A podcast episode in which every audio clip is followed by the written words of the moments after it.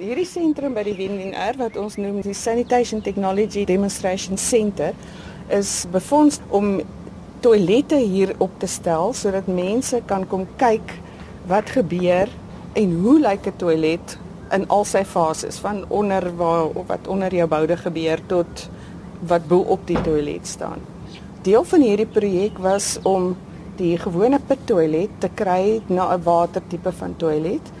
En dan is daar ook navorsing gedoen oor ander toilette wat ons noem 'n closed loop system of 'n closed cycle system waar 'n aantal hoeveelheid water in die stelsel is en dan spoel jy die toilet met die water. Hy gaan na 'n tank toe waar hy behandeling kry. Hy gaan deur filters en dan gaan hy na 'n tank toe waar die water uit daai tank uit na die toilet se spoelbak gepomp word sodat jy weer die toilet kan spoel. En daai water is nooit goed genoeg om te drink nie, maar is skoon genoeg om te spoel. Hoe word hierdie water dan skoon gemaak? Wanneer die spoelwater nou in die eerste tank inval wat hulle noem 'n septiese tank, dan dit sak af. By die groot deel van hierdie tipe toilette is die bakteriese aktiwiteit wat moet plaasvind. So bakterieë moet gereeld bygevoeg word tot daai tank so die bakterieë daai poe opeet. Dan word daai water oorgeplaas in 'n volgende tank waar daar filters in is wat daai water dan filter. En jy kry verskillende tipes filters soos 'n nanofilters en waterfilters en sanitasiefilters om dit nou skoon te kry en dan gaan daai skoner water in die tank in wat gepomp word na die spoelbak van die toilet.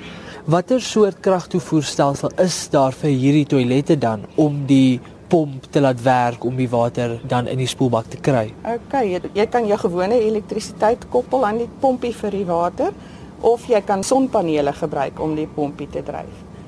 So vertel my oor die impak van tegnologie op hierdie tipe dienslewering.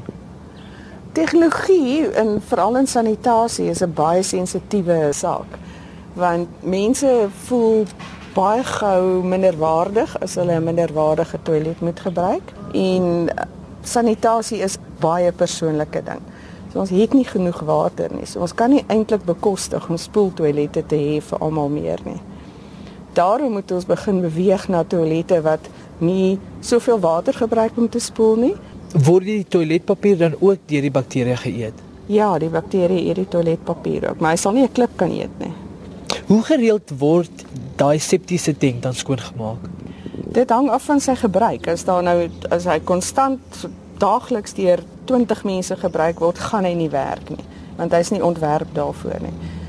Die gewone 5 tot 8 mense per huishouding kan sal hy baie goed werk en in die septiese tank gedeelte sal daar 'n laagie amper so sluk opbou en dit moet dan met 'n vakuumtanker of so iets uitgetrek word. Weereens dit hang af oor die gebruik, miskien een keer in 'n jaar, miskien een keer in 2 jaar, miskien een keer in 5 jaar. Dit hang alles af van hoe dit gebruik word en wat ingaan daar.